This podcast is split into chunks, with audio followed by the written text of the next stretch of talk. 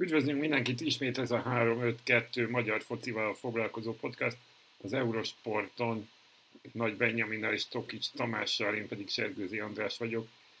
Sziasztok fiúk, hogy telt a hétvége, hogy telt az elmúlt két hét foci szempontból? Egy első blikre. Blikre jól telt, hogyha Ferencváros továbbjutását ide lehet venni, azért az első meccs az egy, az egy, az egy ilyen arcúcsapás volt, hogy hú, azért mert nagyon nyár van, még nagyon az éveleje van, viszont a, viszont a második meccs a, a Tobol ellen az már sokkal jobban nézett ki, és, és teljesen megérdemelt volt a Ferencváros továbbítás, amit talán itt, két héttel ezelőtt itt a 3-5-2-ben prognosztizáltunk is. Elkezdték a felkészülést csapataink, most már ezen a héten bemutatkozik majd ugye a konferencia ligában a Puskás Kisvárda Fehérvár trió, és tűkönülve várjuk, hogy két hét múlva elkezdődjön, vagy most, most már csak másfél hét múlva elkezdődjön majd az NB1. A bajnoki szezon. Tomi adott egy tartalomjegyzéket, mi a helyzet veled, Benji? Sziasztok! Hát én is hasonlóképpen pozitívan vagyok most a Radi kapcsán, meg nem tudom, hogy ti hogy vagytok vele, de nekem egy kicsit pozitív lendületet adott így a konferencia liga selejtezőkre is. Hát a hát a bízhatunk abban, hogy akár mondjuk három csapat is megélheti akár az augusztust most itt a selejtezőben. Aztán majd nyilván itt az adásban kifejtjük, hogy pontosan hányra is gondolunk, vagy hányra is számítunk. Én is várom amúgy, hogy végre jöjjenek a, a akár mondjuk így a Fradi van akár majd a konferencia liga selejtezők, aztán pedig hát nyilván, hogy kezdődjön lassan a bajnokság, mert nagyon durva, itt nézegettem hétvégén a, a eredményeket mindenfelé a világban, és rengeteg bajnokság elkezdődött már. Ugye nem nagyon szoktuk meg, hogy már itt akár július elején, közepén elkezdődnek a bajnokságok, de hát ez egy ilyen szezon, ez egy ilyen világbajnokság miatt. Igen. Igen. Igen. Már valóban már a szomszédországokban is megkezdődött, de mi beszéljünk inkább a hazaiakról. Ugye a Ferencváros az első PL csoportkörön túl van. Az első mérkőzés Kazaksztánban 0-0-val zárult, hát ez szerintem, ha van idényelei meccs, akkor ez tipikusan az volt, de majd mindjárt megbeszéljük részletesen.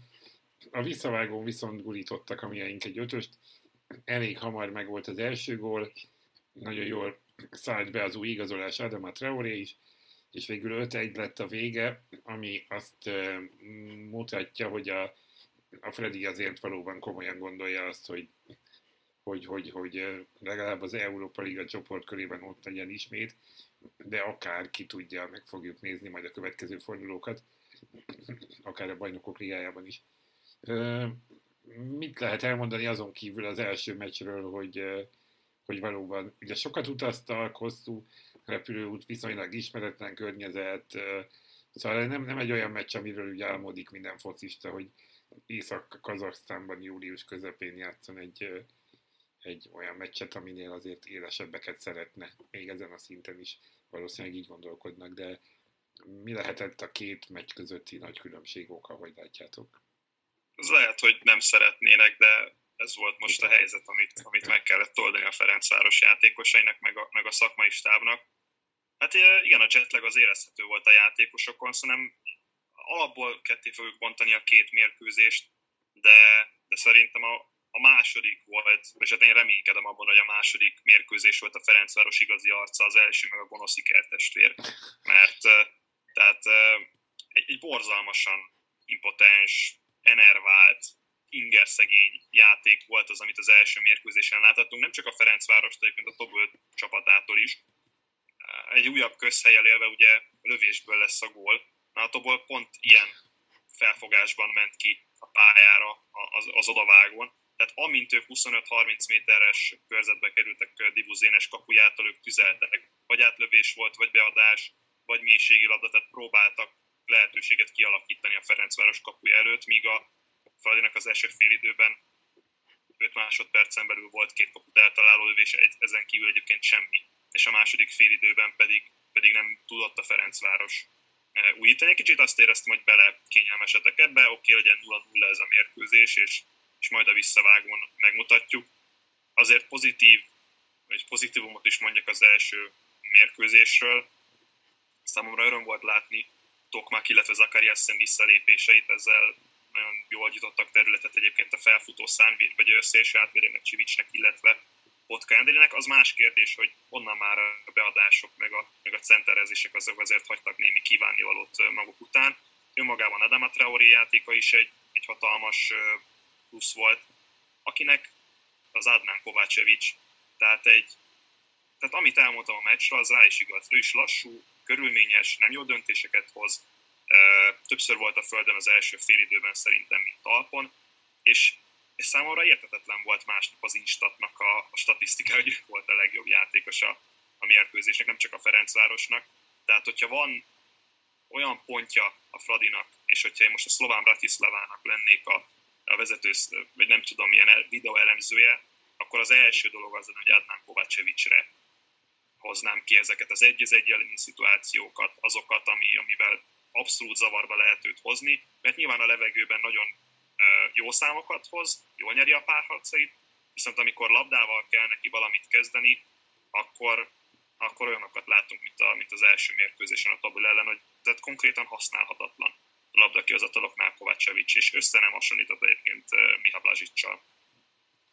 Igen, egyébként én is azon gondolkoztam, hogy, hogy az első meccs után miért ő kezdett, vagy alapból nem értettem, nem tudom, hogy vagyok vele, alapból nem értettem, hogyha már van új igazolás, és itt van egy fiatal Knoster, aki azért én legalábbis arra számíthatom, hogy kezdő lesz kapásból, és ebbe a Csercseszoféle rendszerben abszolút illeszkedni fog kezdésből, és megint az volt a helyzet, hogy egy full olyan védelemmel állt fel a, a Fradi, amilyen az előző, előző szezonban is volt, vagy lehetett. Tehát Ugye itt, ha az első meccset nézzük, akkor Botka, Mai, Kovácsevics, Csivics, és a második meccsen ugye volt egy Cserevingu Botka helyett.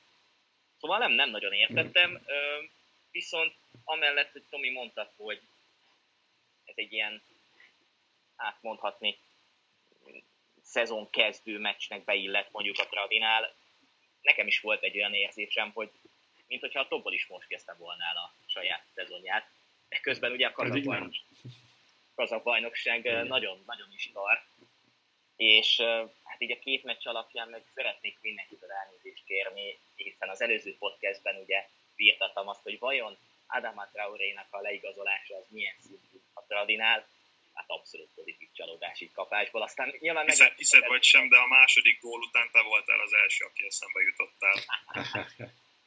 és hála az égnek, hála az égnek, amúgy hát így legyen, tehát inkább mondjunk valamit, amiből aztán pozitívum lesz utána, de, de jónak néz ki Traoré, sőt, sőt, sőt. Knösztel egyébként a, a második mérkőzésen állt be csereként, éppen, éppen ugye Kovácsevics helyére belső védőposztra. Nem tudom, én azért el tudom azt képzelni, hogy, hogy, hogy tényleg ezen a meccsen még, még bőven még bőven, mondjuk pont az is belefért volna, hogy, hogy legyen egy kis kísérletezés, és akkor megnézni, hogy éles helyzetben hogyan megy a, a holland fiú.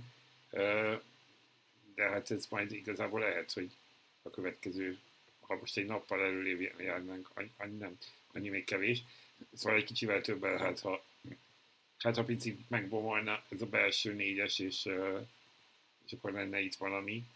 De tényleg valószínűleg picit az volt ezen a meccsen, így összefoglalva, már mint az elsőn, hogy, hogy, hogy abszolút nem, nem, nem kockáztatott semmit a Freddy, az volt a lényeg, hogy komoly probléma ne legyen, egy korai gólt ne kapjon be, amitől esetleg a tobból mondjuk bele jöhet annyira az első meccsen a játékba, hogy a visszavágon mondjuk görcsösen kell játszani.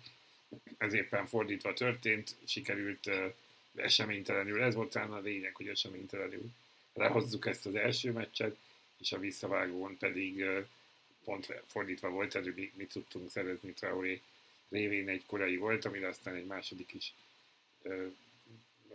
született szintén tőle, és Lajduni Traoré passzából belőtte a 21. percben a harmadikat, tehát hogy gyakorlatilag az első 20 perc után, aki egy kicsit késve ült le a tévé elé, vagy érkezett ki a Grupa Marénába, annak már, annak már gyakorlatilag ugyanúgy nem, nem történt semmi, de történt-e valami? Tehát, hogy hogy láttátok, hamar, hamar meglévő gólok után egyszerűen már elfogyott, ami történhetett ezen a meccsen, vagy mi volt itt még. Ugye aztán hamar jött egy válasz a 3-1, de hát utána igazából nem nagyon tudott már ismét felállni az ellenfél. Szerintem egy, egy 180 fokot fordult a Ferencváros erre a mérkőzésre. És most persze lehetne a másik közhelyet mondani, hogy tehát akkor a Tobölnek is ugye jetlagje volt e, a négy óra eltolódás miatt. Én azt mondom, hogy a, tehát a Ferencváros ezt a játékot tudja hozni. Lüktető, támadó felfogású, magas nyomás alatt tudta tartani a tabot, és kijöttek azok a különbségek. Egyébként, ha most ránézünk, hogy 5-1 az eredmény, egyébként szerintem ez, ez egy reális különbség a két csapat között, mind tudásban, mind a játékosok minőségében. Tehát ha valaki nekem azt mondja, hogy ez a párharc 5-1-jel fog zárulni, a két meccses párharc 5-1-jel fog zárulni, akkor én azt mondom, hogy ezt, ezt én leokézom, tehát én, én tökre, tökre egyet tudok ezzel érteni. Adama Traoré zseniális volt ezen a mérkőzésen. Tehát szerintem egy ilyen típusú játékosra szüksége volt Csercseszovnak, és a, és a relációs jel azért fog felé billenni, mert azért Marquinhos-tól, Auszkitól ilyeneket nem nagyon láttunk. Tehát, hogy keresztbe mozog, elviszi a védőt ezzel a mozgással, Poli is egyébként hatalmasat javult a, a, a, a visszavágóra, persze a második gólnál ő úgy szerepet játszott azzal, hogy kicsalogatta az egyik belső védő, egyik kazak belső védőt, Tokmak is fantasztikusan futballozott, Lajdoni teljesen megérdemelten szerzett volt, és ugye nem, ne, vagy említsük meg Basszeit a második fél időben duplázni tudott, és szerintem még a Ferencváros nincs hogy ötöd, de, de itt még azért több gólt is szerezhetett volna ezen a mérkőzésen, tehát kontrollálta. Nem érezted azt, hogy a Tobölnek egy, egy másodpercnyi esélye lett volna ezen a mérkőzésen. Tehát hogy persze szereztek egy gólt, hozzáteszem, Kovácsevics nem lépett ki szerintem elég határozottan, vagy nem lépett vissza a, a gólszerző Szergejevre elég határozottan, de ezt most zárójelben jegyzem meg. De azt leszámít, de még, de még akkor sem éreztem azt, hogy itt a topból fog rúgni még két volt, vagy három volt. Ferencváros ezt tudja, és én ezért is gondolom azt, hogy a, hogy a szlován elleni párharcnak is ők lesznek az esélyesei. Lassan lehet, hogy az lesz, hogy mindig, hogyha ki PC-zünk magunknak egy tradi játékos, az a következő párharcon majd jó lesz. Ja, Kovácsevicsel nem fog ez megtörténni. Biztos, hallod, ezer százalék, hogy Kovácsevicsel ez nem fog megtörténni, és egyébként, bocsánat, még egy fél mondat, nem, nem véletlen volt szerintem az, hogy Knüster beállított a mérkőzés végén a Tobol ellen, szerintem a szlovan ellen ő fog kezdeni. Igen, benne van Igen. Igen, ezért is, tehát hogy azért oké, okay, hogy hogy minőségben jobbnak gondoljuk, vagy jobban beleírni ők a csapatban, de azért mégiscsak egy új játékosról van szó, azért ritka az, hogy valakit elsőre kezdőként bedobnak, az is más kérdés, hogy az első meccs után ennek lehet, hogy meg lett volna a realitása. Uh, igen, ezért mondom, majd igazából hamarosan okosabbak leszünk, de akkor térjünk rá esetleg, vagy van-e még itt valami, amiről én, én még annyit, én még annyit emelnék ki, hogy uh, hogy az látszik így az új igazolások kapcsán és a csatárhoz kapcsán, hogy előjött most először talán az a helyzet, már az előző szezonban is lehetett azért ilyenre gondolni, hogy végre van valami harc csatárposzton, és, mm-hmm. és azért Passzeinek a beállása, és az, hogy duplázott, az azért Bolit is motiválhatja rendesen a következőkben. Szóval Szóval Cserkeszovnak megvan az a lehetősége, hogy két jó formában lévő klasszikus csatárt is cserélgethet itt a remélhetőleg bajnoki és európai kupa tekintetében, úgyhogy nagyon pozitív, nagyon nagy pozitívum volt nekem legalábbis Basszej, mert, mert eddig nem mutatott talán annyit, mint amennyit mondjuk kapásból vártam volna tőle a tavaszi szezonban. Jó, eh, hát reméljük, hogy így lesz. Mindenképpen eh, azt látni, hogy az elmúlt eh, időszak fél év, egy év, fél év igazolásai azért most a, a, a tél, ugye ez a szokás, hogy télen leigazolt játékot sikerül úgy beépíteni tavaszra, ez Bászainél ez azért látszik, vagy nem tavaszra, hanem nyára, hogy, hogy, hogy valódi haszna legyen a csapatnak. De térjünk át akkor a következő párharcra, ami ugye a szlován Bratislava elleni párharc lesz. Éppen 30 éve történt, hogy a szlován és a Ferencváros bajnokok ligájában találkozott egymással. Hát reméljük, hogy nem hasonló, nem lesz hasonló sem az eredmény, sem a pályán kívül történtek, akkor ott komoly tömegverekedés tört ki. Pozsonyban a lelátón, a mérkőzés pedig 3-0-val 3-0 lett, azt hiszem, ugye, a végeredmény azon a meccsen, de a szlován könnyen, yep. a szlován könnyen tovább jutott. Most azért talán picit abból a szempontból más a helyzet, hogy a Ferencváros, a mostani Ferencváros azért erősebb, mint az akkori komolyabb nemzetközi tapasztalattal, a szlován Bratislavának pedig már elindult a bajnokság, igaz még csak éppen hogy. Az első körben, az első körben pedig a, a grúz vagy georgiai Dinamo Batumit verték, igaz, egy hazai 0-0 után a visszavágó is. 0-0 volt, és végül hosszabbításban sikerült 2-1-re nyerni, szóval a vágnál kicsit nehezebben, de azért amikor még nem tudtuk az eredményt, akkor is sokan mondogatták, hogy hát azért várjunk azzal, hogy a georgiai csapatot annyira abszolút azt gondoljuk, hogy biztos azt nem lesz a továbbító, de végül így lett. A dolog pikantériája, aztán majd el tudom szóljatok hozzá, hogy ugye magyar játékos is játszik a szlovánban, Holman Dávid nyilatkozott is a hazai sportsajtóban, úgyhogy, úgyhogy ebből a szempontból reméljük, hogy ebből a szempont, ezért is reméljük, hogy most csak a pályán fognak történni az események. Ja, még külön pikantér, hogy Holman Dávid egy extradista. Igen. Tehát korábban a Ferencváros játékosa volt, és talán azt mondta, hogy nem, nem örült ennek a párosításnak, Igen. amikor összejött. Szólnia kellett volna Vladimir Weissnek, hogy ne tekerje be a 123. percben a szögletet a grúz ellenféllel szemben. Um, ellentétes utat jár be szerintem a két csapat, hogyha most az európai szereplésüket nézzük. Az elmúlt pár évben inkább a Ferencváros az a csapat, amelyik eljut a csoport köré, míg a Szlován Bratislava az a csapat, amely nem be igazából az európai kupaporondon valamelyik csoportkörbe, és, és ugyan erősített a, a pozsonyi csapat, jött Juraj Kucka visszatért Olaszországból, aztán itt Jordi Csakvetadze a Belgiumból jött kölcsönbe, vettek kölcsönjátékos a, a Dinamo Kiev-től is, tehát hogy a Szolán Bratislavának is azért erősödött a kerete szerintem a nyár folyamán. Holman Dávid egyébként pont nem biztos, hogy ennek a haszonélvezője lesz, és akár távozhat majd itt a nyár későbbi ö, részében. Mondjuk ezt, hogy hova, azt nem tudom. Valószínűleg akkor hazatérne a, a magyar élvonalba. Lenne is egy tippem, hogy mondjuk a Honvéd lecsapna rá. De egyébként ez egy, ez egy, ilyen, ez egy ilyen bold tipp, ami elhangzik ebben az adásban, hogy hol van Dávid a Honvéd játékosa lesz augusztus 31-ig. Fölírjuk a kéménybe ezt is majd, igen.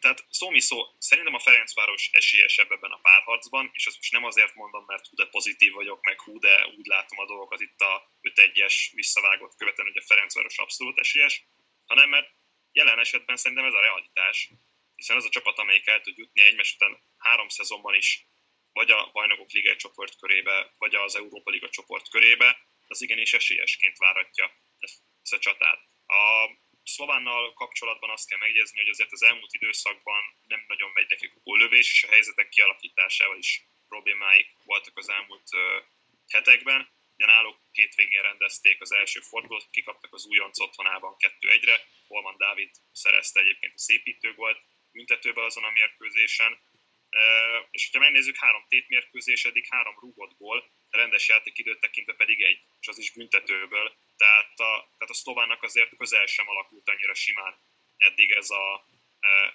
idény kezdet, mint mondjuk a Ferencvárosnak, és az, hogy hazai pályán kezd a Fradi, az szerintem még egy plusz előny lehet, és, és nagyon motiváltak lesznek a játékosok, hogy egy polccal azért magasabb szintről kaptak ellenfelet a második körbe, és, és hogyha ezt a fordulót túléli a Ferencváros, akkor már biztos, hogy valamelyik európai kupának a csoportkörében láthatjuk össze. Érdekes egyébként az, hogy három meccs ugye itt a utóbbi számoljunk szűk két héttel, és mind a három meccsen egy teljesen, egy, egy teljesen másfajta felállással küldte pályára a csapatot Vladimir Weiss. Ugye volt az első Dinamo Batumi elleni meccs, ahol egy, ugye a három meccs alapján vegyes felállás volt, azok a játékosok is játszottak, akik aztán a visszavágon is játszottak, de azok is, akik most a bajnoki meccsen kaptak lehetőséget. Szóval kíváncsi vagyok, hogy, hogy megint kapunk egy ilyen vegyes csapatot, úgymond, vagy, vagy az a csapat fog játszani.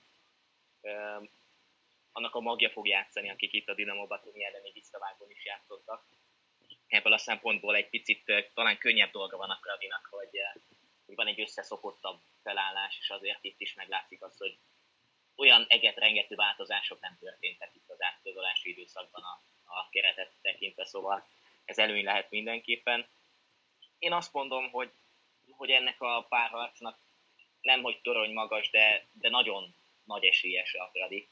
És, és nem csak azért mondom ezt, mert, mert itt az utóbbi évek azt mondatják, hogy egy-egy ilyen párharcot meg tud nyerni ez a csapat, hanem az is, hogy, hogy a szlovák bajnokságnak a, az Európában elfoglalt helyét, azt, azt talán a magyar alá tehetjük, és ezt látjuk itt az Európai Kupa szereplések kapcsán is, tehát nem csak a szlovára gondolva, de sajnos a dacnak sem megy úgy az Európai Kupa sorozatokban, ahogy mondjuk minden szezon elején várják azt a szurkolók, ebből a szempontból is esélyesebb szerintem a Fradi. Én egy ilyen volt tippet mondok, kettős győzelemmel jut tovább a Fradi. Mondom, nem, nem érzem egyszerűen most olyan erősnek ezt a szlován, mint mondjuk lehet, hogy éreztem volna tavaly ilyenkor. Mert tavaly ilyenkor egyébként ők is az Európa Konferencia Ligában játszottak. Az olimpia, eh, bocsánat, a PAOK, a Kopenhága és a, hát a meglepetésbe bekerülő Gibraltari Lincoln volt a csoport ellenfelük. Mm. Igen, és talán nem, nem is jártak messze, hogyha jól emlékszem a továbbjutástól a csoportban. Hát két győzelem, két döntetlen, két vereség, de ezzel a harmadik helyen végeztek, így aztán nem jutottak tovább. Szóval van azért európai ö, tapasztalata csoportszinten is a, a, a szlovánnak, de úgy egy kicsit úgy tényleg úgy haloványabb. 2019-20-ban a Covid előtti évben voltak ezelőtt utoljára a csoportkörben. Ez a 20-21-es év, amikor a miaink a bajnokok ligájába kerültek, az nekik elég hamar véget ért, ott két selejtezőkört mentek, de mind a kettőben kikaptak, szóval rögtön kiestek hamar.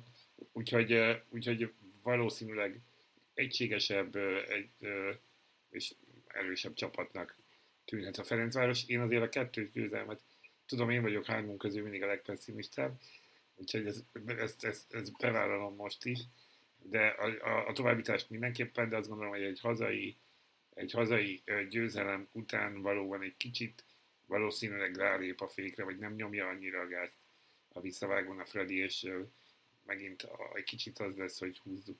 Nem az, hogy húzzuk ki, ez így hülye szó, de hogy, de hogy menjünk biztosra, és, és legyen meg simán a továbbjutás. Nyilván a Fradinek nem áll jól, hogy meg nem is fogja betolni a buszt, tehát nem erről beszélek, hanem, hanem hogy, hogy nem, nem cél az elődemonstráció. Úgyhogy ezt, ezt érzem, de majd meglátjuk. Mm, van-e még a szlovánnal kapcsolatban valami, vagy, vagy menjünk egy körrel tovább, mert hogy ma hétfő este veszük fel ezt az adást, úgyhogy már tudjuk a, a, a továbbiakat. Lehet, hogy, lehet, hogy nézelődhetünk tovább. Nézzünk tovább, tovább akkor. Van, mert, mert, mert szerintem abban egyetértünk, nem tudom, Tomi, te így most elmondtuk a tippeket, te mit mondasz így a két meccsre? Mondjuk, ha kéne tippelni, kettős győzelem, egy győzelem, egy döntetlen, vagy hogy, hogy lesz így? Hát én, én inkább annyit mondanék, hogy nem kap volt a Ferencváros ebben a párharcban, szerintem ez, mm. ez legyen az én tippem és uh, most ez kettős győzelem lesz, vagy két döntetlen, vagy, vagy egy győzelem, egy döntetlen, az már lényegtelen. Szerintem nem kap volt a Ferencváros ebben a párharcban. De azt nem látod reálisnak, hogy nem is lő, nem? Azt nem látod. Annyira viszont erősnek látom, hogy azért lő. Igen. Szerintem itthon nyer a, nyer a Ferencváros idegenben most, hogy döntetlen vagy, vagy, vagy győzelem az, az, az most így, az, azt, most, azt most nem merem megtippelni. kell látnom az első meccset ahhoz, hogy, hogy, hogy a másodikról is tudjak mit mondani. Oké. De akkor behúzzuk azt, mondjuk, behúzzuk azt, hogy behúzza a Fradi, és a folytatásban pedig az FC Zürich, illetve a Karabag, Karabag párharc győztesét fogja kapni. Ugye svájci ellenfél volt már a közelmúltban, ami annyira nem sült el jól a Young Boys ellen, nem sikerült a, a BL playoffból a csoportkörbe jutni, hanem akkor az Európa Liga lett a végállomás. A, a Karabag azeri csapat pedig hát volt már magas polcon, de mi a helyzet velük most? Ők ugye az azeri bajnokok. Egyáltalán hogy látjátok ennek a párharcnak a sorsát először, talán csak így érintőlegesen beszéljünk róla, csak azért, hogy tudjuk azt mondani, hogy mi lehet utána. Csak még ennyit hozzáteszek, a Karabag ugye az előző BL selejtező körben a, a, a lengyel Lech Poznánt verte, ami szerintem azért egy kicsit meg, meglepetés, főleg az 5-1-es visszavá, visszavágó végeredmény. A Karabag nem, tehát ők már voltak BL csoportkörben, tehát pont a Róma, Chelsea, Atletico Madrid féle csoportban ők voltak a negyedikek. Ugye az első azari csapat, amely bejutott a bajnok ligája főtáblájára. Szerintem az egyébként egy, egy szorosabb párharc lesz, mint a Ferencvárosé. Az FC Zürich nagyon össze lett rakva az előző szezonban, nem hiába nyerték meg a, a svájci bajnokságot, úgyhogy azért egy Bázelt, Young boys sikerült megelőzniük, noha nyilván ott azért voltak edzőváltások az előző szezon elején. Viszont én a Karavagot sem tartom egyébként esélytelennek ebben az összevetésben, pont, a, pont az előbb említett Legpoznan lenni mérkőzés miatt. Igen, az az 5-1 az, az nagyon jól nézett ki, és, és ez egy kicsit így beáraszta a lengyel focit, hogyha lehet így mondani. A Twitteren van egy, van egy fiók, amit követek, és ott azért leírták, hogy a lengyel labdarúgás nem a legszebb napjait éli, és hogy, és hogy ez az 5-1-es vereség, ez csak a jégheg csúcsa volt. Az aktuális bajnokcsapat 5 kap az azeri elsőtől, úgyhogy bárki is kapjon egyébként a Ferencváros, nem lesz, nagyon nem lesz egyszerű feladat, és én, és én bemondom azt, hogy a Ferencvárosnak lehet, hogy a harmadik mm, selejtezőkör lesz a végállomás, amennyiben tovább jut a Szlovan ellen. Én azt mondom, hogy, hogy egyik csapat sincsen most olyan állapotban, sem a, sem a Karabak, sem pedig a Zürich, hogy megoldhatatlan feladatot jelentsen.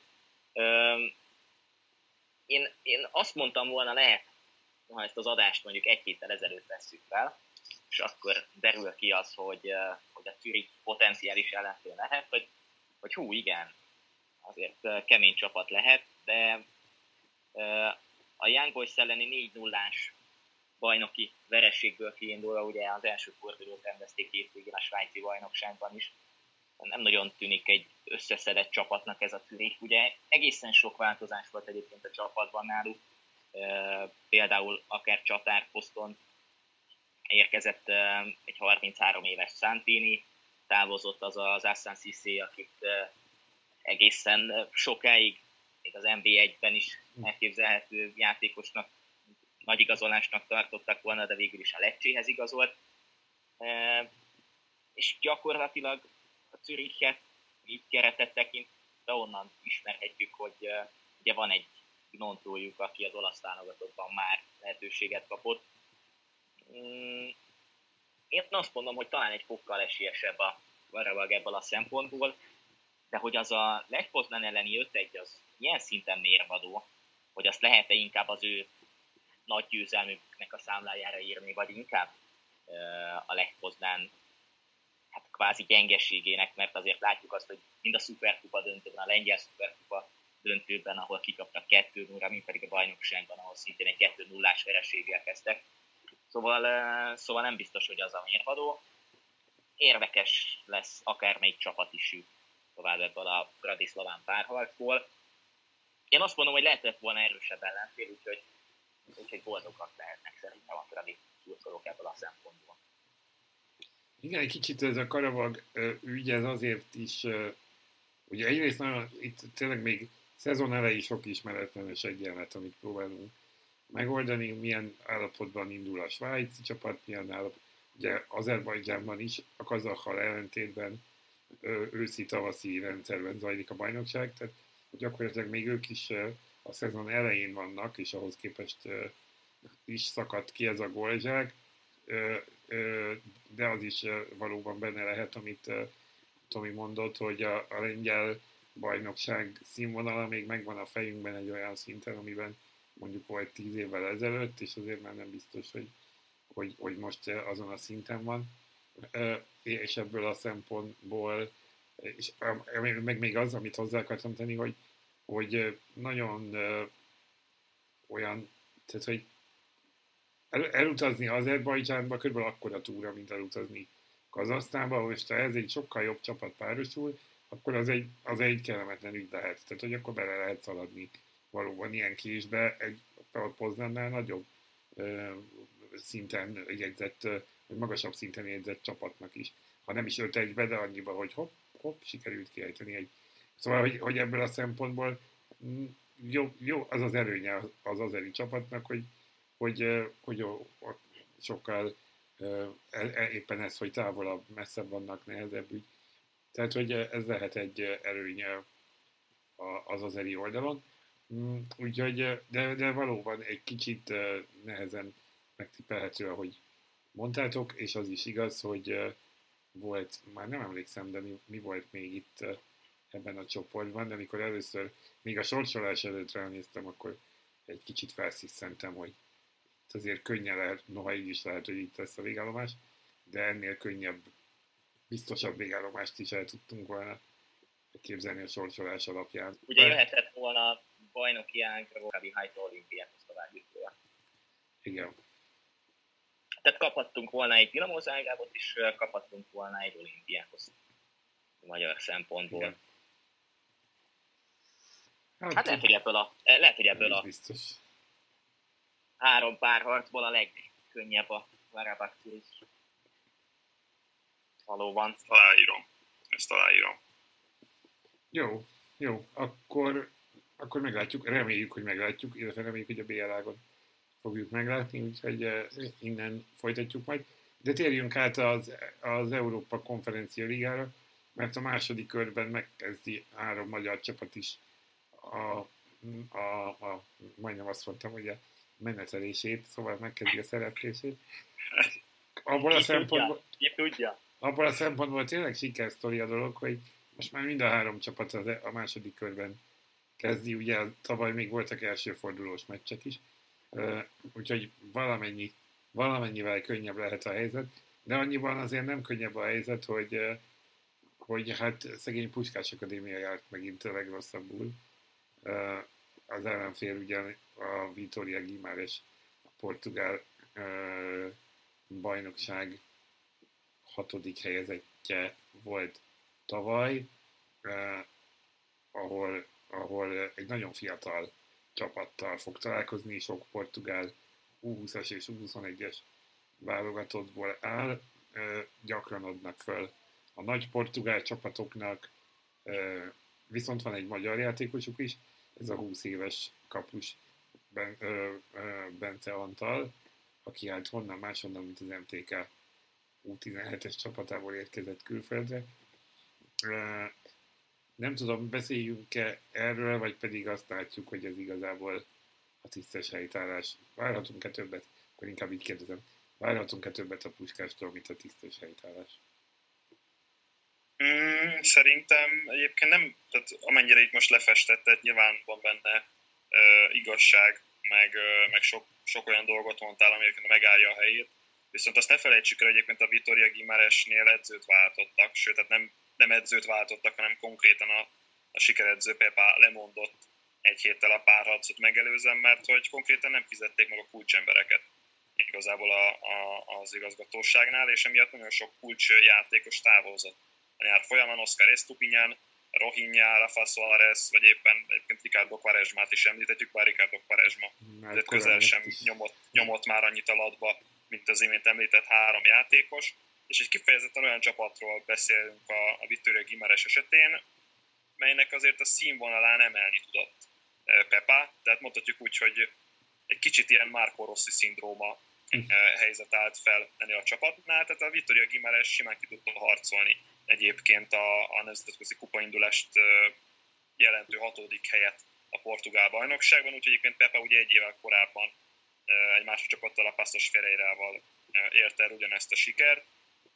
Úgyhogy igazából ez egy nagyon érzékeny veszteség és egy hatalmas érvágás a, a Puskás ellenfelével kapcsolatban, hogy Pepa felállt a kispadról, viszont ami megint nem szól a, a Puskás Akadémia mellett, az az európai mérlegük.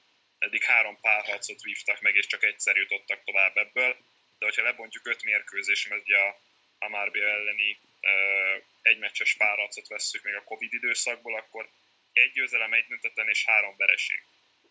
Tehát a, a Puskás Akadémiával kapcsolatban én tavaly nagyon-nagyon sokszor hoztam fel azt a kritikát, hogy egyszerűen nem játszanak támadó futballt.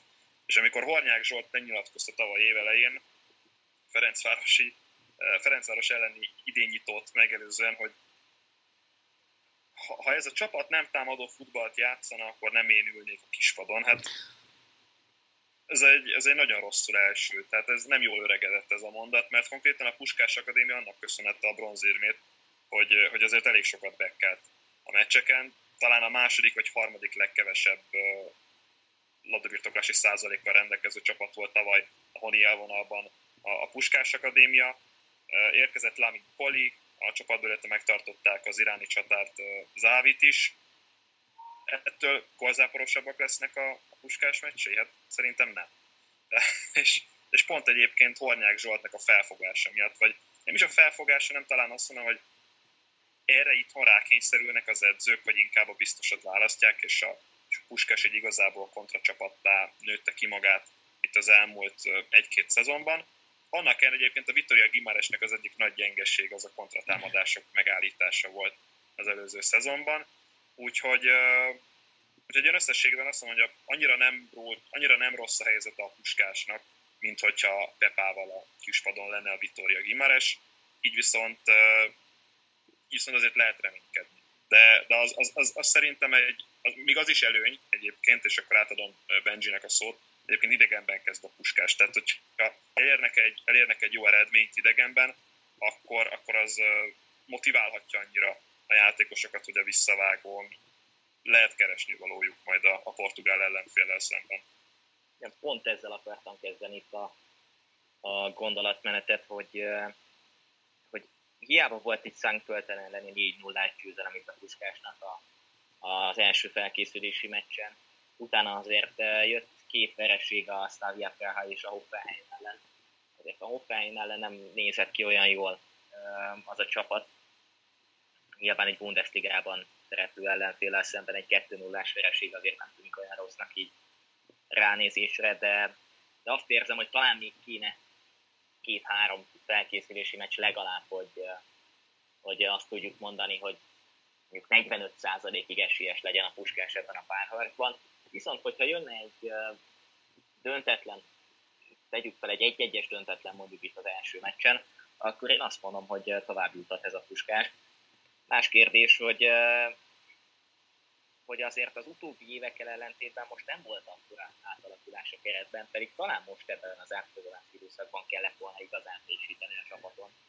Mert, mert azért a támadó poszton Koli nem biztos, hogy egy tehát, tehát azt mondom, egy jó megoldást nyújthatna, de kiindulva abból, hogy itt az utóbbi időszakban Libor Kozák hiába érkezett, azért olyan nagyon nem remekel, Záhedi különösképpen nem remekel, tehát azért nem volt olyan csatár ebben a csapatban, aki... De, de bocsánat, tehát ez azért összefügg azzal, amit, amit Hornyák Zsolt játszik ezzel a csapattal, tehát nyilván... Igen, igen, igen, igen.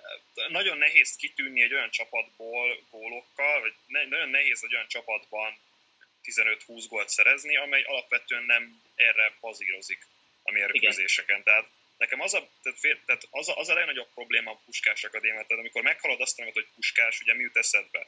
Az aranycsapat 6-3 az, hogy igazából a magyar aranycsapat akkor, akkor tényleg tehát megtestesítette a totális futballt, meg, meg nem tudom, tehát a, a Barcelona egyik alapfilozófia nagyon közel áll ahhoz, ami, amit, amit az a csapat játszott, és eljutunk oda, hogy a Puskás Akadémia úgy nyer meg mérkőzést az NB1-ben, hogy, hogy, hogy bekkel, és, és mondjuk 35%-ban van a labda náluk. Nem lenne baj a 35%-kal egyébként, csak kb. úgy kontráznak, mint a, mint a Márko Rossi féle válogatott 2022 júniusáig. Tehát, tehát elindul három ember a kontratámadással. És, neke, és, és ez, egy, ez egy borzalmasan nagy tehát hiába jön ide Libor Kozák, hiába jön ide Lamin Koli, attól nem lesz, nem, nem lesz megoldás. Itt, itt, itt rendszer szinten kell megoldást találni erre a problémára, és egyébként még csak, csak egy picit reagálok arra, amit mondtál, szerintem pont, hogy egyfajta takarítás indult el a, a Puskás Akadémia, tehát nem kapkodnak azzal, hogy leigazolnak 5-6 játékost, és megpróbálják őket majd beépíteni, most elküldték a Libor Kozákot, elküldtek nagyon sok játékost, akinek lejárt a szerződése, és próbálnak minél kevesebbet beletenni a, a, a puzzle-be, hogy, hogy, hogy talán egyfajta állandóságot próbálnak elérni ezzel a csapatnál. Igen, csak ez az állandóság, ez nem biztos, hogy, hogy magában a játékfelfogások, meg a taktikában is megnyilvánul. Csatlakozva ahhoz, amit mondtál, ugye most, ha megnézzük a Hoffenheim elleni kezdő csapatot, akkor lényegében a Beluca, Poli, Kis Tamás hármason kívül egyetlen egy támadó szellemű játékos sem volt a csapatban, és az, hogy Nagy Zsoltot nem balhátvédként, klasszikus balhátvédként játszott, hanem még feljebb próbálott tologatni, azzal nem biztos, hogy eredményt érsz el, és a kispadon sincsen olyan játékosod, Slátfer, akár, aki padozott a Hoffenheim ellen, Zahedi is padozott szintén, szóval nem biztos, hogy ez egy korrekt megoldás. Mm, ebből a szempontból nem tudom, hogy, hogy melyik arcát mutatja a puskás, de, de itt az első meccs, furcsa ezt mondani, de itt az első meccs fogja eldönteni ennek a párharcnak a sorsát. Már csak azért is kérdés is, hogy melyik arcát, mert hogyha itthon ennyire underdog, akkor egy magasabban jegyzett ellenfélnél talán, vagy hát nem tudom, szóval hogy ott még kevésbé valószínű, hogy, hogy uh, főleg idegenben föladna egy ilyen, egy ilyen pozíciót.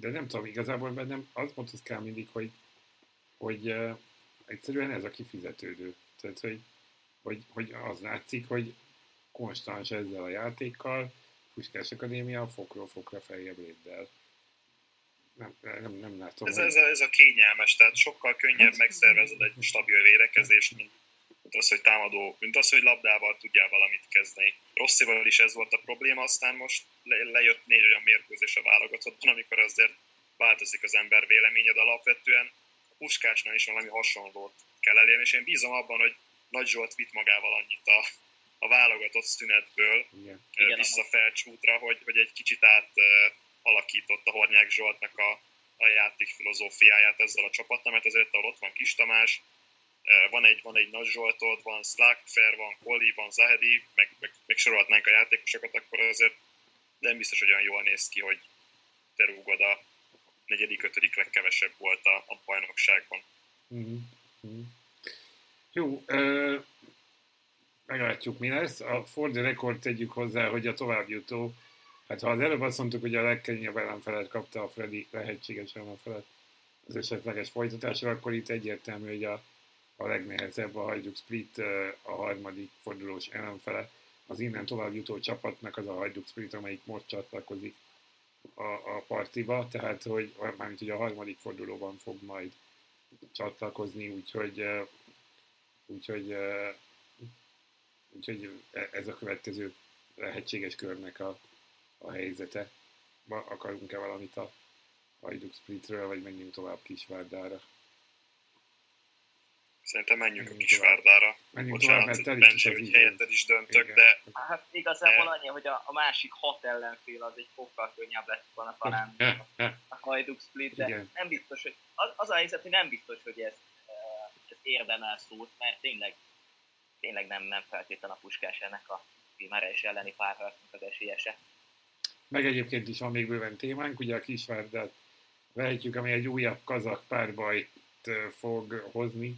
A Ferencváros után a Kisvárda is kazak ellenfelet kap, és a helyzet az, hogy ők teljesen, ha azt mondtuk, hogy a Puskásnak a nemzetközi rutinja, hát ott inkább negatív, de a Kisvárdának meg gyakorlatilag semmilyen. Ebből a szempontból talán még nehezebb a megítélése annak, hogy mi fog történni. Ráadásul új edző van, ugye a csapatnál Török László személyében, akinek elég minimális az NBA-es tapasztalata.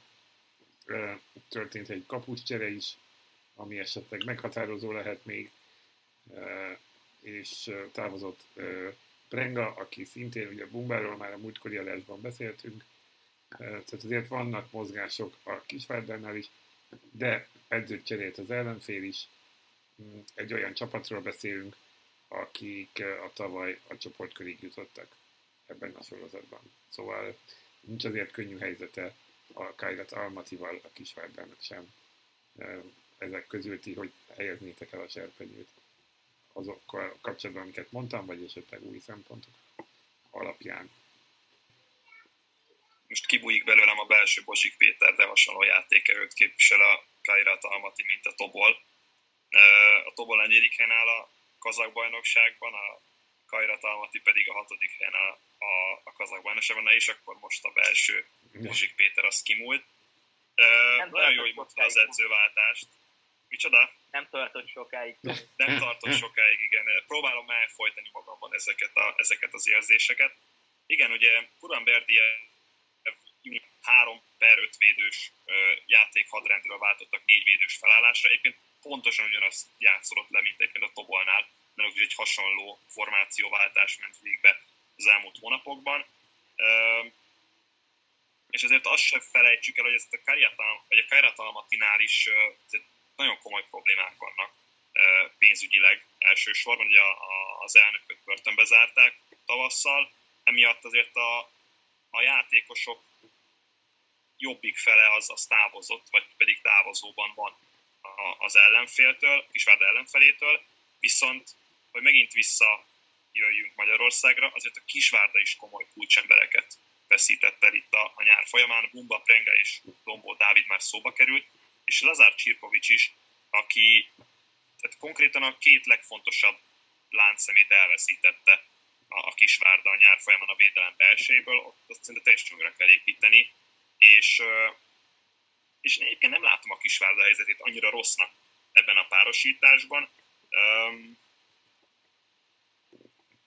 Mondanám azt, hogy, hogy talán tovább is jutott a Kisvárda ebből a páracból, és csak azért mondom ezt, vagy nem csak azért mondom ezt, mert tavaly év végén lenyögtem egy olyat, hogy szerintem a Kisvárda fog legtovább menetelni az Európa Konferencia Ligában a, a, a három csapat közül, de, de valóban belelátom, az a szakmai munka, amit felépített az elmúlt jó egy évtizedben Révész Attila, szerintem megsüvegelendő. Most nyilván az anyagi vonzatáról itt lehet vitatkozni meg, hogy miből sikerült ezt végül is létrehozni ott a, a, a ukrán-szlovák-magyar határtól nem messze. Viszont el kell ismerni, hogy azért ennek a munkának a gyümölcse most az, hogy kilépett az európai kupaporondra a Kisvárda, és, és úgy várhat egy, egy Karját Almaty elleni páratot szerintem, hogy nem, nem lehet leírni egyértelműen azt, hogy a Kisvárda ki fog esni ebből a párosításból. Hát most ebből a szempontból lehet, hogy én vagyok a negatívabb, de nem nagyon érzem ebben a csapatban a továbbjutást most. Az előző szezonbeli Kisvárda abszolút esélyesként indult volna most ennek a párharcnak, de még így, hogy a, az Almaty volt eligazolt az a Ricardo Áldas, akinek a távozását pont most a, a mai hétfői napon jelentették be, távozott Gorászki, valamint Goragovszki, két másik kulcsember is. Mm, ennek ellenére sem tartom én a Kisvárdát most esélyesnek. A felkészülési mérkőzések sem feltétlen sikerültek úgy, ahogy, ahogy kellettek volna. Most nyilván egy, egy Admira Wacker, vagy éppen egy Krajova elleni győzelem jónak néz ki, a Kisvárda ellen nem feltétlenül, vagy a TVTK ellen nem feltétlen sikerült ugye a Kisvárdának a fő próbája, hogy azt szerették volna. Nem tudom, hogy melyik. Ugye elmondtam azt a Puskásnál, hogy nem tudom, hogy melyik arcát látjuk a Puskás Akadémiának, hát nem tudom, hogy melyik arcát látjuk a Kisvárdának. Mert ha azt a, azt a meglepő arcát, amelyiket hozta a bajnokságban az előző szezonban, akkor egyértelműen tovább így viszont, így viszont én azt mondom, hogy, hogy a, ebből a szempontból, ahogy mondjuk a Tobolnál nem játszott túl szerepet az, hogy, hogy tartnak az a... Amit még inkább igaz ez, hogy annyira kétarcú ez a csapat, hogy simán lehet az, hogy olyan különbségek vannak az A és a B oldal között, ami, ami a B oldal, vagyis hogy inkább az A felé billenjen, szóval a jobbik verzió felé.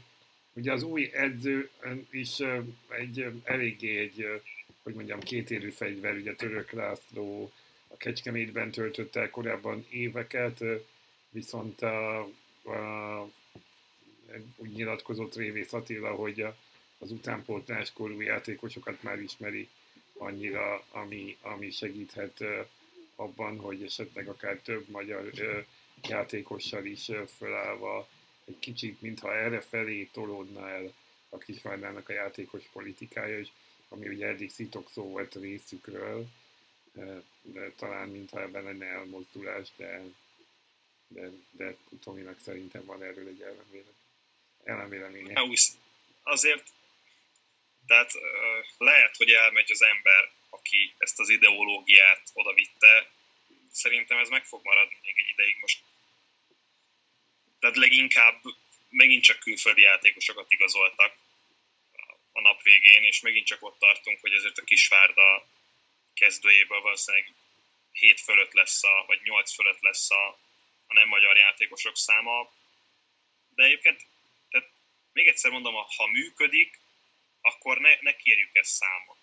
Tehát, hogyha működik az, hogy a Kisvárdában a, a 7-8-10 légiós a kezdőcsapatból elér egy bravúros ezüstérmet, és aztán mondjuk az Európai Kupaparondon ezzel szerepel, azzal nincsen probléma. Azzal sokkal nagyobb probléma van, ami, probléma van, ami mondjuk Újpesten, vagy a, vagy a Honvédnál zajlik.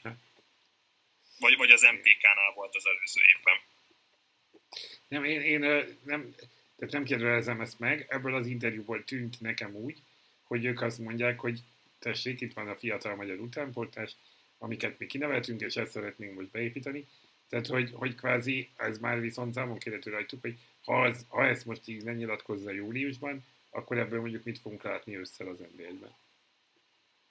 Hát, nem kötelezik a csapatokat erre, valószínűleg látni fogunk, de, de igen, tehát ez egy, ez, egy, ez, egy, ez, egy, ez egy elég marginális kérdés egyébként, hogy a, hogy a fiatal magyar játékost hogyan építsük be és hogyan ne építsük be egy nba klubba. Szerintem egyébként nem ez a megfelelő megoldás, hogy kötelezzük a klubokat a szerepeltetésre.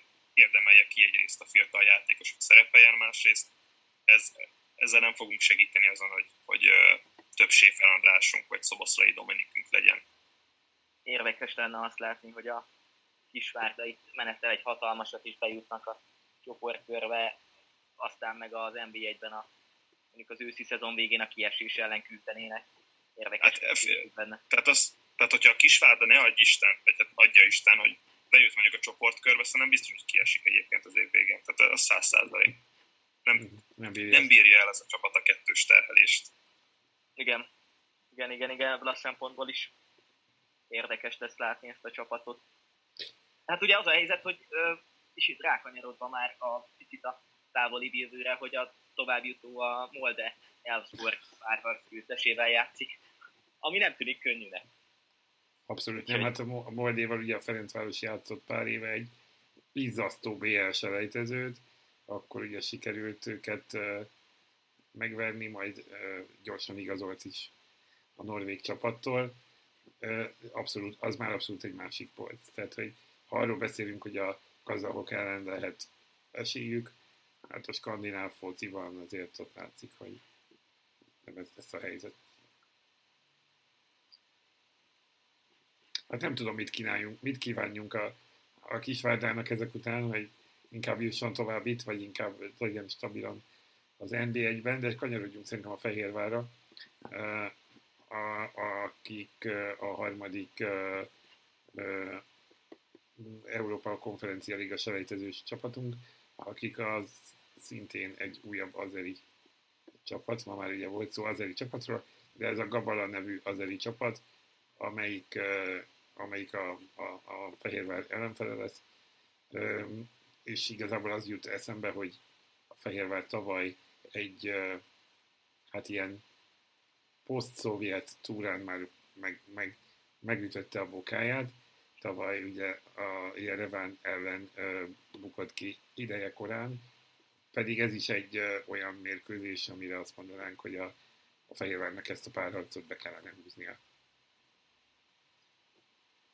A várás az, hogy a Fehérvár egyébként csoportkörös legyen, szerintetek? Hát mondjuk ezen az ágon végig haladva szerintem a következő, tehát ezt a párharcot és az utána következő párharcot elvárás lenne megnyerni, én azt mondom. És nagyon más a helyzet, nagyon másnak érzem a helyzetet, mint az előző szezonban. Mm, szerintem egy pozitív döntés volt megtartani Mihály Boris, és, és tudtak úgy készülni, hogy, hogy ezt a mostani párharcot és utána ugye a Moldáv Hincsest és a Albán Laci ellen simán kéne hozni. Zárója bezárva. Rövid vélemény, de több. Igen, igazából múltkor azt beszéltük a Fehérvárról, hogy nagyjából most véget ért az a idézőjel türelmi időszak, az új sportigazgató, az új vezetőedző kinevezésével ö, egész jó, nagyon jó, magyar szinten brilliáns igazolásuk, igazolásaik vannak, ö, sikerült egy olyan, úgy néz ki, hogy össze javítani, minőségében javítani a, a, az egyébként sem rossz ö, állományon. Ezt kellene most valami látható, fogyasztható valami véggyúrni, amire azért Mihály Borisban talán megvolna a potenciál erre.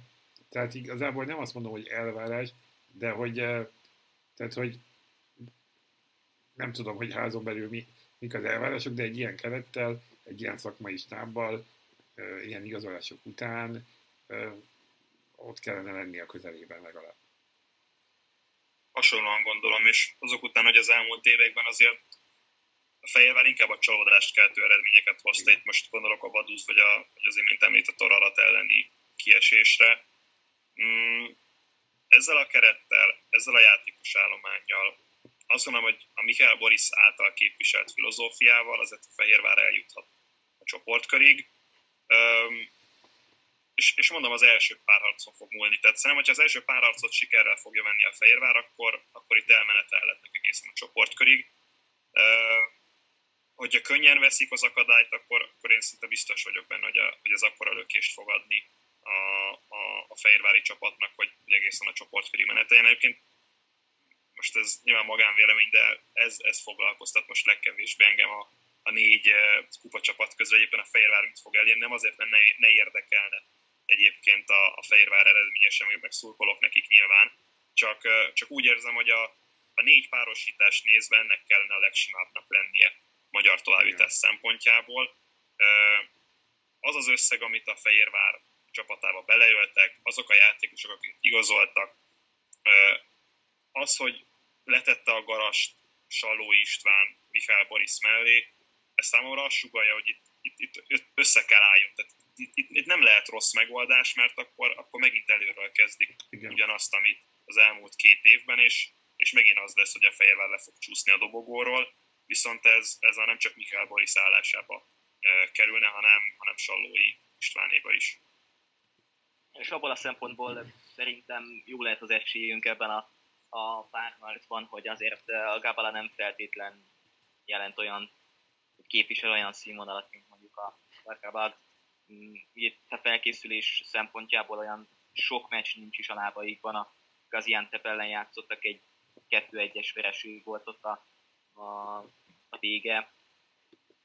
Ugye az előző mm, bajnokságot a negyedik helyen zárták.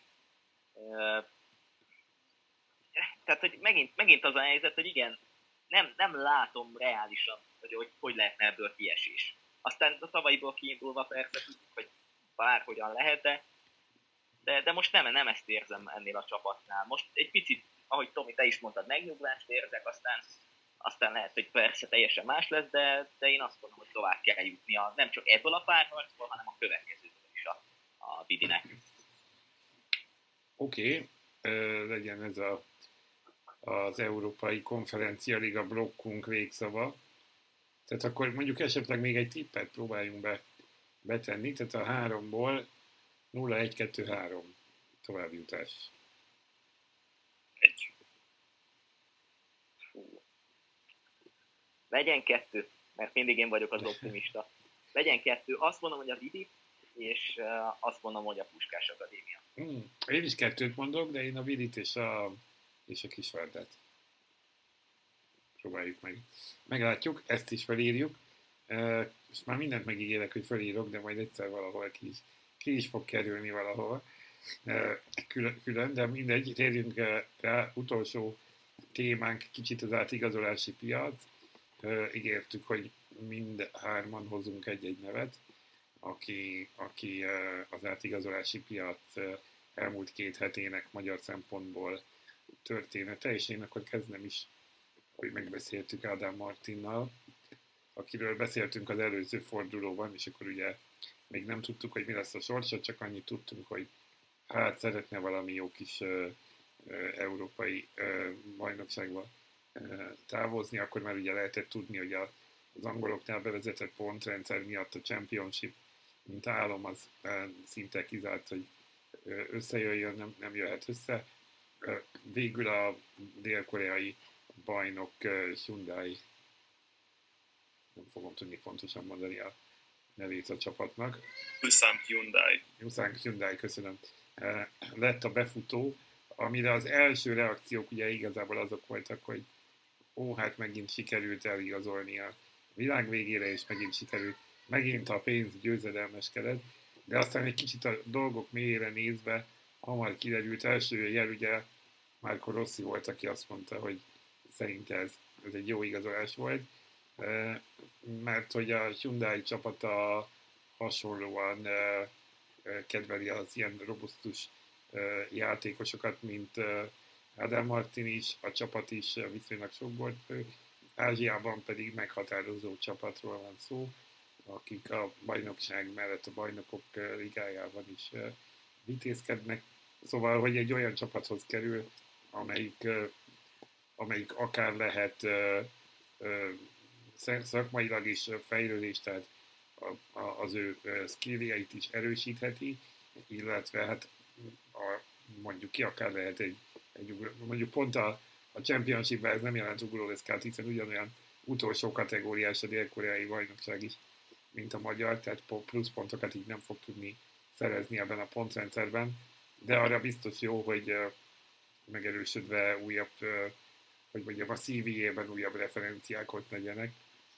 Mm, hogy látjátok ezt a helyzetet? Fog-e innen is visszakerülni a válogatott? Azért itt az is szempont, hogy, hogy mm, egy-egy ilyen rövidebb ablakra, válogatott ablakra visszautazni, tehát itt már önmagában logisztikai kérdés is, ahogy az MLS-ből is azért úgy gyakran eltűnnek az egyébként jól teljesítő, időközben jól teljesítő játékosok, onnan is azért úgy nehezebb bekerülni a válogatottba. Szerintem először reagálva az átigazolásra teljesen megérdemelte Ádám Martin, kitett magáért az elmúlt másfél-két évben, a, hogy, hogy megérdemeljen egy ilyen szerződést, és most lényegtelen az, hogy ki mit mond, milyen anyagi vonzata van, labdarúgókról van szó, nekik ez a munkájuk. Nyilván, hogyha olyan ajánlatot kap egy, egy dél-koreai csapattól, ami, amire alá kell írni, vagy mert ez egy lehetősége van. Tehát érdekes volt, tehát az fel sem merült az emberekben, hogy nem volt más lehetőség Ádám yeah. Martinnek, vagy a, vagy a felmerülő lehetőségek közül volt jobb ennél. Uh, és itt nagyon sok mindent be lehet vonni, hogy szakmai megfontolásból, vagy, vagy, a, vagy a pénz miatt teljesen mindegy. Ádám Martin megküzdött ezért, és, és egy teljesen megérdemelt összeget fog biztos azért kapni, hogy az Ulsan Hyundai játékosa legyen.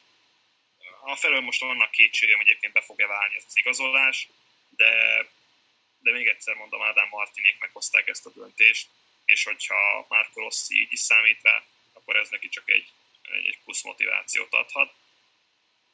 Viszont ugye a válogatott kérdés az, az, az, azért ez egy most elég komoly lesz, hiszen Adam Martin, főleg az angolok elleni mérkőzésen nagyon jól szállt be, és nagyon nem mindegy, hogy ő milyen önbizalommal megy bele egy ilyen mérkőzés. Ugye az angolok ellen egy nagyon magas színvonalú magyar válogatottat láthattunk, de mi van akkor, hogyha Ádám Martinnak nem megy a góllövés, úgy hívják be a válogatottba, és a válogatottnak sem megy majd annyira jól a, a, az ősz folyamán, vagy akár a következő tavasz folyamán. Szóval erre azért mindenképpen tehát az azért, azért óva intenék mindenkit, valószínűleg nem fog 31 gólt lőni majd a, majd a dél-koreai bajnokságban Adam Martin.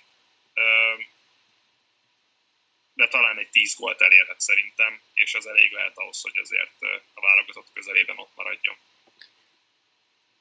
Én azt látom egyébként, vagy azt gondolom, vagy azt érzem, hogy, hogy, hogy be fog válni minden szempontból ez, a, ez az átigazolás, ellentétben azokkal a magyar játékosokkal, akik itt az utóbbi években akár Kínába, akár ha mondjuk Costa Márkot nézzük, akkor Dél-Koreába szerződtek, ugye volt egy Kuzmics féle átigazolás Kínában, volt egy Kádár Tamás féle átigazolás. Én azt mondom, hogy, hogy stabil válogatott lesz ezen túl is, és, és működhet az a vonal, ami, amit a nyilatkozatokban is elhangzott, hogy a dél-koreai bajnokságból lehet tovább lépni akár erősebb nyugat-európai bajnokságokba is, nem feltétlenül az angolra gondolok. Mm, és ahogy Ádám Martin is elmondta, voltak érdeklődések persze, de ez az egyedüli komoly ajánlat volt. Most miért ne választotta volna ezt? Arról Tehát, nem is, bocsánat, arról nem is beszélve, hogy, hogy Traoré igazolása után ez volt a leg, legnagyobb, ami magyar csapatot érintett. Tehát 1,2 millió euró volt a vételára, ennél több csak Traoré volt 2 millió euró ebben a szezonban, szóval, hogy, hogy a Paks sem hülye, tehát hogy nekik is nyilván ez egy fontos szempont volt, hogy, hogy kimagaslóan, tehát valószínűleg a Pakson nem tudom, biztos a rekordigazolás, amióta a csapat létezik, tehát hogy nem hiszem, hogy ennél lett volna nagyobb, úgyhogy ez, ez azért fontos szempont. A csapat Igen, még annyit, annyit akartam még mondani, hogy, hm. hogy én azt sem látom reálisnak, hogy ő most emiatt, vagy ezen túl majd kikerül a válogatott keretéből. Ez egy, ez egy minden szempontból jó átigazolás, és nagyon szurkolok neki, hogy jó esüljön el játék szempontjából, és rúgtassa a gólokat. Oké. Okay. A következő. Benji, nyugodtan mondjad. Hát ha már Paks, akkor, és ha már szóba került a neve, akkor Kádár Tamás. E, vajon Kádár Tamás meg tud-e úgy újulni? Ez volt egyből a gondolatom, amikor megláttam ezt az átigazolást, hogy akár a, nem azt mondom, hogy a válogatottba, hanem a válogatott szint közelébe visszaküldje magát forma szempontjából. Ugye Újpestről távozott érdekes körülmények után, mm, és aláírt a Paksnál. Nem tudom, hogyha kellett volna mondani egy magyar csapatot, ahol el tudom képzelni Kádár Tamást, akkor talán legutoljára mondtam volna Paksot. Főleg talán amiatt, hogy tehát azért Kádár Tamás játék stílusa, meg játékos profilja meccsel egy olyan csapattal, mint a Paks, hát az azért, igen, tehát a Paks azért itt elég komoly pressinget nyomott minden egyes mérkőzésen az elmúlt két évben Bognár György irányítása alatt. Nyilván Waltner Robert lehet, hogy konszolidáltabb lesz ez, de magában Kádár Tamás sebessége, meg azt mondom, hogy helyezkedése az már azért nem, nem fetten az a Kádár Tamás, akit láthattunk mondjuk a 2015-os Európa-bajnokságon. Viszont a három belső védős rendszerben azért el tud férni Kádár Tamás. Más kérdés, hogy be fog állni a sorba, és, és fog olyan munkamorálra, olyan munkamorállal fogja belevetni magát, mint, mint mondjuk korábbi állomás helyén, és most nem az Újpestet szeretném mondani, ahol azért hallottunk olyan hangokat, hogy a, nem, nem túl extra motiváltsága miatt távozott.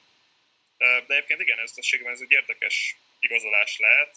Én inkább a Paks részéről egy kicsit kockázatosnak érzem, és pont Kádár Tamás személyisége miatt, vagy az, az ahogyan Újpestről távozott, nagyon nehéz elképzelnem a korábbi válogatott játékost egy olyan csapatnál, mint a Paks, ahol azért alapvetően az elmúlt években nem voltak ilyen retinens labdarúgók, sőt, sokkal inkább azt mondom, hogy, hogy, a, hogy a csendes, csendes gyilkosok uralkodtak Ádám Martin, Bognár István, Haraszti Zsolt, Mégyes Színán.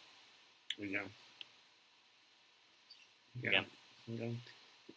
Hát az biztos, hogy egy éve, vagy igen, mikor az Újpest leigazolta őt, akkor, akkor azért volt egy, egy, egy optimista felhangja Újpesten, bár más helyzetben is van azért a, a két csapat, szóval, hogy ott, ott úgy kvázi ilyen megváltásnak tűnt, hogy majd akkor uh, itt, uh, itt, itt jobbra fordulnak a dolgok, aztán alakult, ahogy alakult, és akkor így végül elment, de azért intujel az, hogy ugye hát a Kievben volt ugye Kádár 2020-ig, és azóta hát sehol nem tudott igazából. Volt két török csapatban, ahol játszott valamennyit, de már nem, nem volt ez a stabilitás benne, mint a Kievi időkben.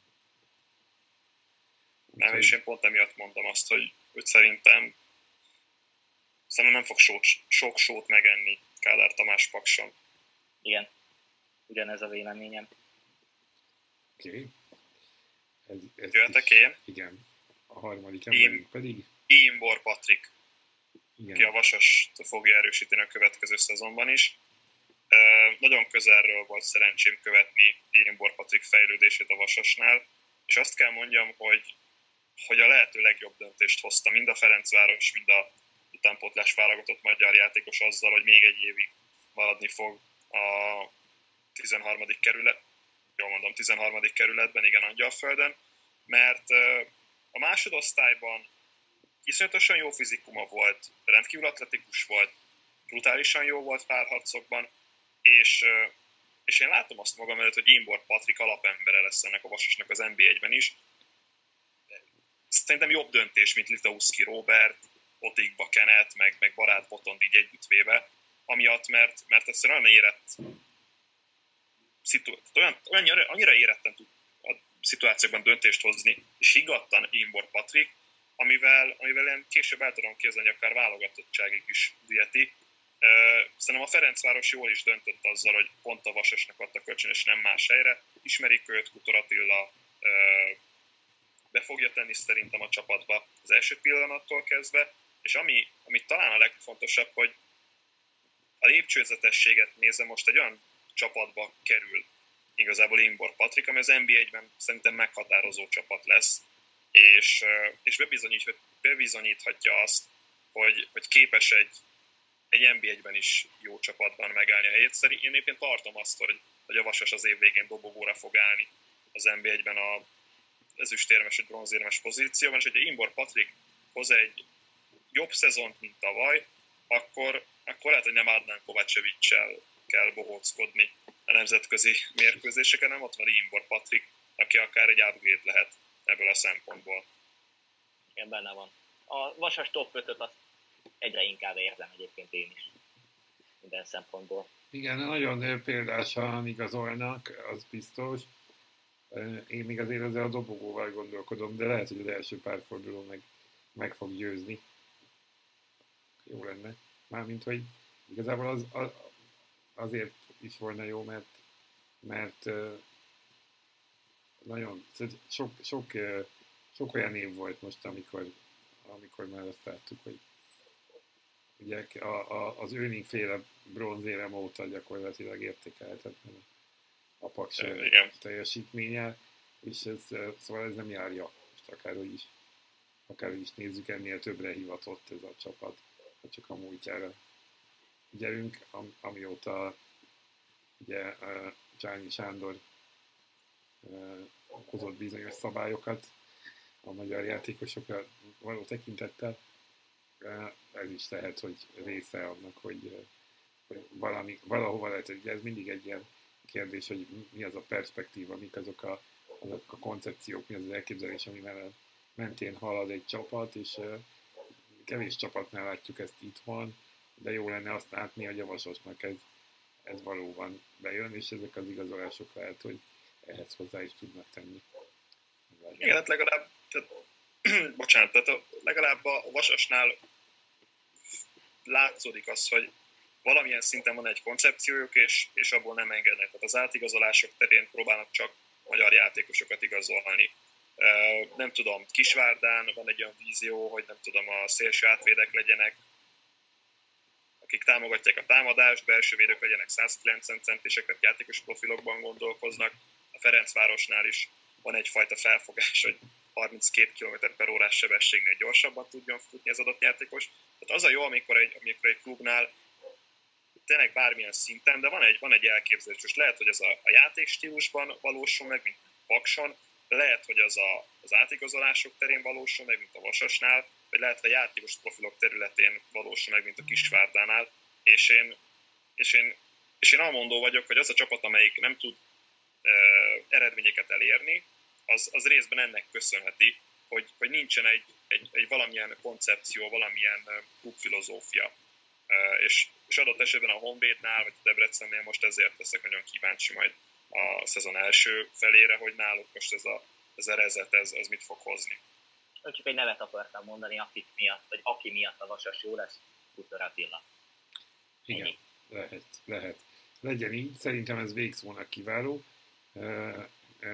Várjuk már nagyon, most már hallom egyre inkább a ti hangotokból is, hogy ezt így most már így kezdődjön a show, tehát hogy lássuk ezeket a dolgokat élesben, amikről itt beszélünk adásról adásra.